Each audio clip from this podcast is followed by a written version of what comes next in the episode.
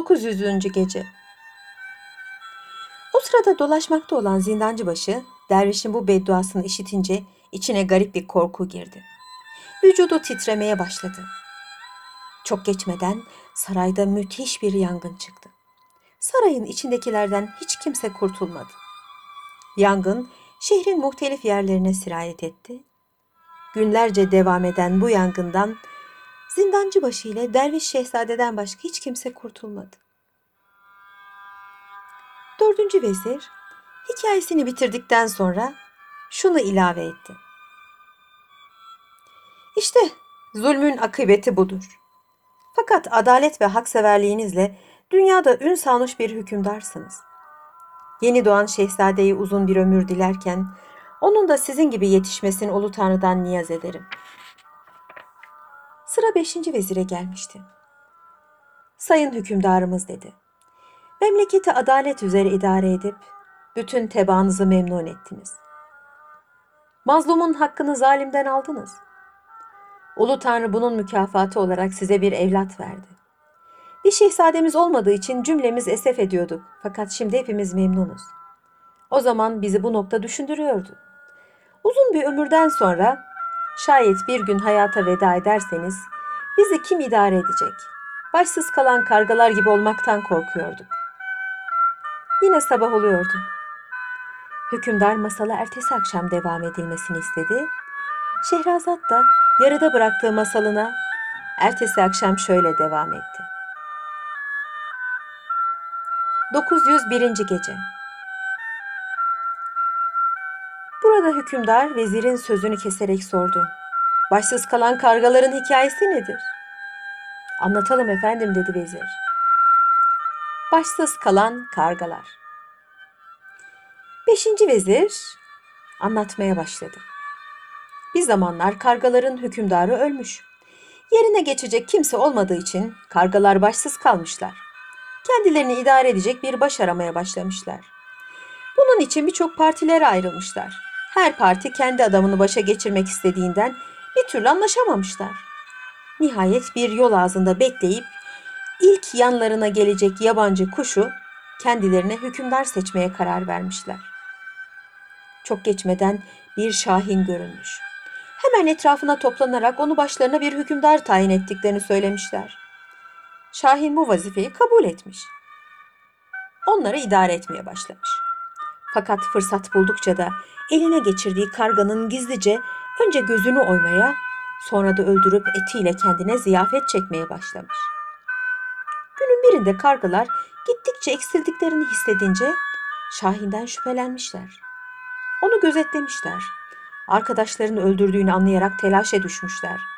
Şahin'in şerrinden kendilerini korumak için her biri bir yere dağılmaya karar vermiş. Böylelikle kargaların topluluğu dağılmış, hükümetleri de yok olmuş. Fakat çok şükür biz artık bir şehzadeye kavuştuk. İleride başımıza böyle bir hal gelmez. Şehrazat bu meraklı hikayesini burada kesmek zorunda kaldı. Çünkü artık sabah olmuştu. Hükümdarın isteği üzerine ertesi gece sözlerine şöyle devam etti.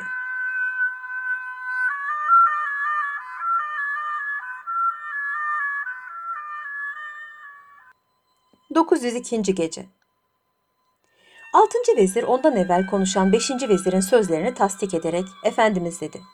Şimdilik size ve şehzadeye uzun ömür ve saadet dileğinden başka Allah'tan bir şey istemiyoruz.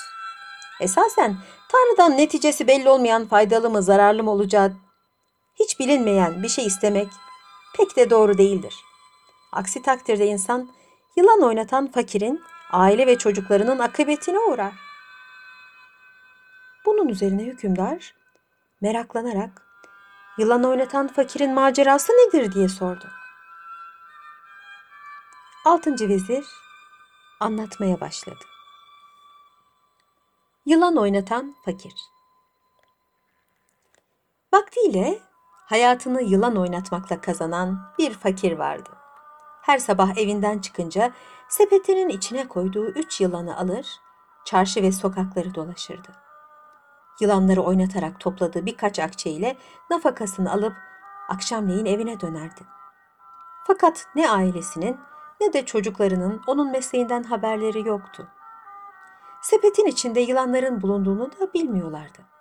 Bir gün karısı ve çocukları merak ederek bu sepetin içinde ne sakladığını sordular. Fakir, içinde sizi alakadar eden bir şey yoktur dediyse de söz dinletemedi. Kadın ayak diredi. Bu sepette muhakkak bir şey vardır, bizden saklıyorsun. Fakir sinirlendi. Bir şey yok dedim. Ben bütün ihtiyaçlarınızı görmüyor muyum? Bir eksiğiniz var mı? Niye kısmetinize kanaat etmeyip sonu meçhul bir şey soruyorsunuz? Gecenin sona erdiğini gören Şehrazat hikayesini burada bıraktı. Ertesi gece kocasının isteği üzerine yeniden anlatmaya başladı. 903. Gece Kadın bir müddet sustu. Fakat ertesi gün çocuklarını kışkırtıp sepetin içindekilerini öğrenmelerini tembih etti. Çocuklar büyük bir ısrarla babalarının etrafını sararak sepeti açması için yalvarmaya başladılar. Buna kızan fakir sopayla üzerlerine yürüyerek onları susturmak istedi. Çocuklar kaçınca fakir de onları kovalamaya başladı. Kadın bu fırsattan istifade ederek hemen sepetin yanına koştu. Usulcacık kaçtı. Birdenbire yılanlardan birisi üzerine saldırıp onu öldürdü. Dışarıya çıkan diğer yılanlar da evin içinde dağılıp çocukları ısırdılar. Zavallı yavrular zehirin tesiriyle bir müddet kıvrandıktan sonra da can verdiler.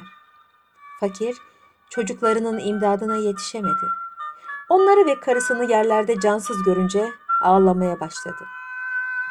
Bir aralık içini çekerek "Ah" dedi. Bütün bu faciaya karımın tecessüs merakı sebep oldu. Altıncı vezir hikayesini burada bitirerek ilave etti. Şehzademiz hiç şüphe yok ki size benzeyecek ve yüksek ahlak ve adalet sahibi olacağı için akıbetinden eminiz.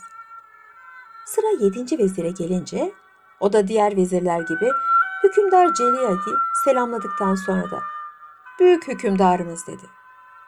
Sayenizde bu muazzam ülkemizin zulüm ve haksızlıktan, gadir ve gıybetten kurtulup temiz, rahat ve mesut bir hayat yaşamasını sağladınız.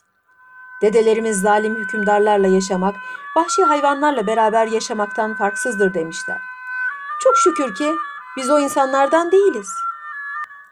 Tanrı'nın bir lütfu olarak size verilen bir erkek evlat hepimizi sevindirip saadetimizi artırmıştır. Tanrı'nın kullarına vereceği en iyi armağan hiç şüphe yok ki hayırlı bir evlattır. Evladı olmayanın adı çabuk unutulur. Yaşınızın bir hayli ilerlemiş olmasına rağmen bir erkek evlada sahip olmanız büyük nimettir. Bu da iyi ahlakınızın ve sabrınızın mükafatıdır. Bu haliniz bana örümceğin hikayesini hatırlattı. Celiyat bu hikayenin ne olduğunu sorması üzerine yedinci vezir de anlatmaya başladı.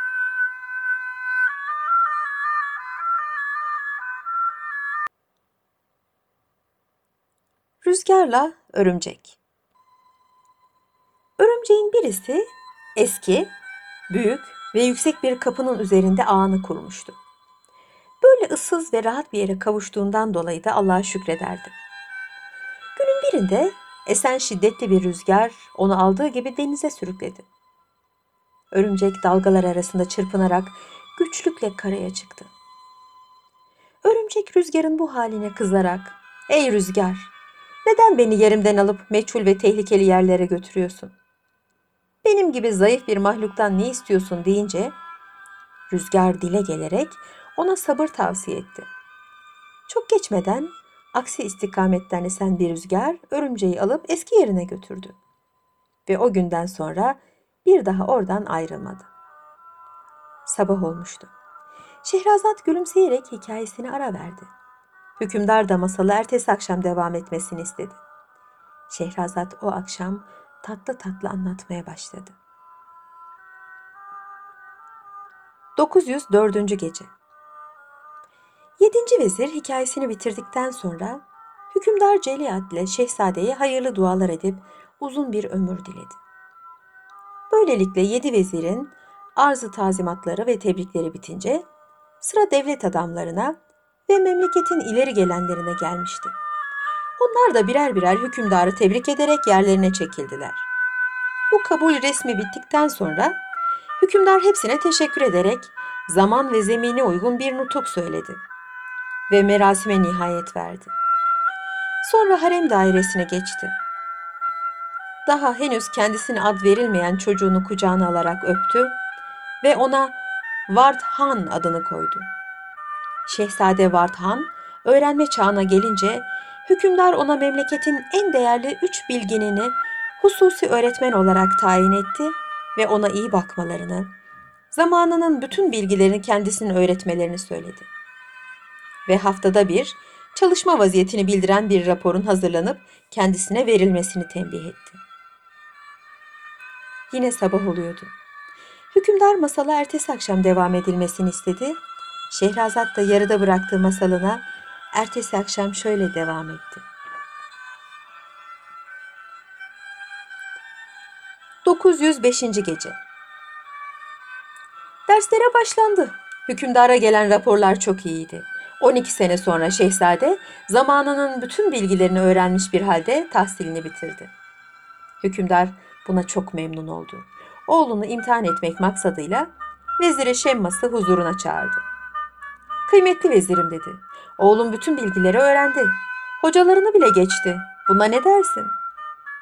Şemmas başını eğerek hükümdarı selamladıktan sonra cevap verdi. Kıymetli bir mücevher yüzlerce taşın arasında nasıl parlar, kendini gösterirse, oğlunuz da bir mücevher olduğunu göstermiştir. Genç yaşta olmasına rağmen bu kadar bilgi sahibi olması, sizden tevarüs ettiği zeka ve kabiliyetinin esiridir. Arzu ederseniz onu yarın bilginler huzurunda imtihan edeyim. Hükümdar bu iltifattan memnun olarak, büyük vezirim dedi. Yarın bütün ilim adamlarını toplayıp onların huzurunda oğlumu imtihan etmek teklifine muvaffakat cevabı veriyorum. Ertesi gün hükümdarın sarayında büyük bir meclis kuruldu. Memleketin ileri gelen ilim adamları kendilerine ayrılan yerlere oturdular. Genç şehzadeyi sırayla imtihan etmeye başladılar. Vartan kendisine sorulan muhtelif sorularla öyle bir karşılaşıyor, öyle iyi cevaplar veriyordu ki misaller getiriyor, her mevzuyu iyi tetkik ettiğini ispat eden mütalalar veriyordu. Bilhassa Vezir Şemas'ın devlet ve siyaset ait sorularına o kadar mükemmel cevaplar verdi ki mecliste bulunanlar onu takdir ve hayranlıkla alkışlamaktan kendilerini alamadılar. Şehrazat bu meraklı hikayesini burada kesmek zorunda kaldı çünkü artık sabah olmuştu. Hükümdarın isteği üzerine ertesi gece sözlerine şöyle devam etti. 906. gece. Bir aralık Vezir Şemmas şehzadeye ruh ile ceset hakkında bir sual sordu. Şehzade şu cevabı verdi. Ruh ile ceset birbirlerinin tamamlayıcısıdır. Onun için mükafat ve ceza da ortaktır. Onlar tıpkı kötürümle köre benzerler. Vaktiyle bir körle bir kötürüm vardı. Sokaklarda acınacak bir halde sürünen bu zavallıların halini acıyan zenginlerden birisi onları bahçesine alarak siz burada oturun ben sizin her ihtiyacınızı temin edeceğim. Yalnız şu bahçenin meyvelerini koparıp mahvetmeyin. Çünkü ben bu hususta çok titiz bir adamım dedi. Onlar da bu hususta teminat vererek bahçeye yerleştiler.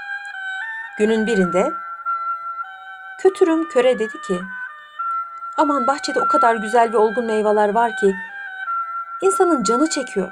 Fakat ne çare ki ayağa kalkıp bu meyvelerden istifade edemiyorum. Bari senin ayakların sağlam. Git de bize biraz meyve kopar. Kör başını esefle sallayarak bahsettiğin meyvelerin hiçbirisini göremiyorum ki gidip koparayım diye cevap verince kötürüm ona hak verip sustu. Biraz sonra yanlarına bahçıvan geldi. Bir istekleri olup olmadığını sordu. Kötürüm ona yalvararak, bahçıvan başı dedi. Şu olgun ve güzel meyvelerden elimle toplayıp yemek istiyorum. Buna bir çare yok mu?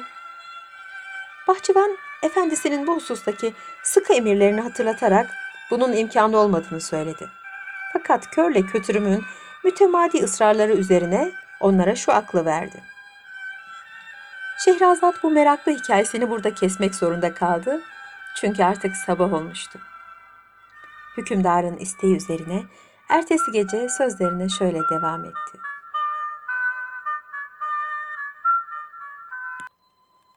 Dokuz yüz yedinci gece.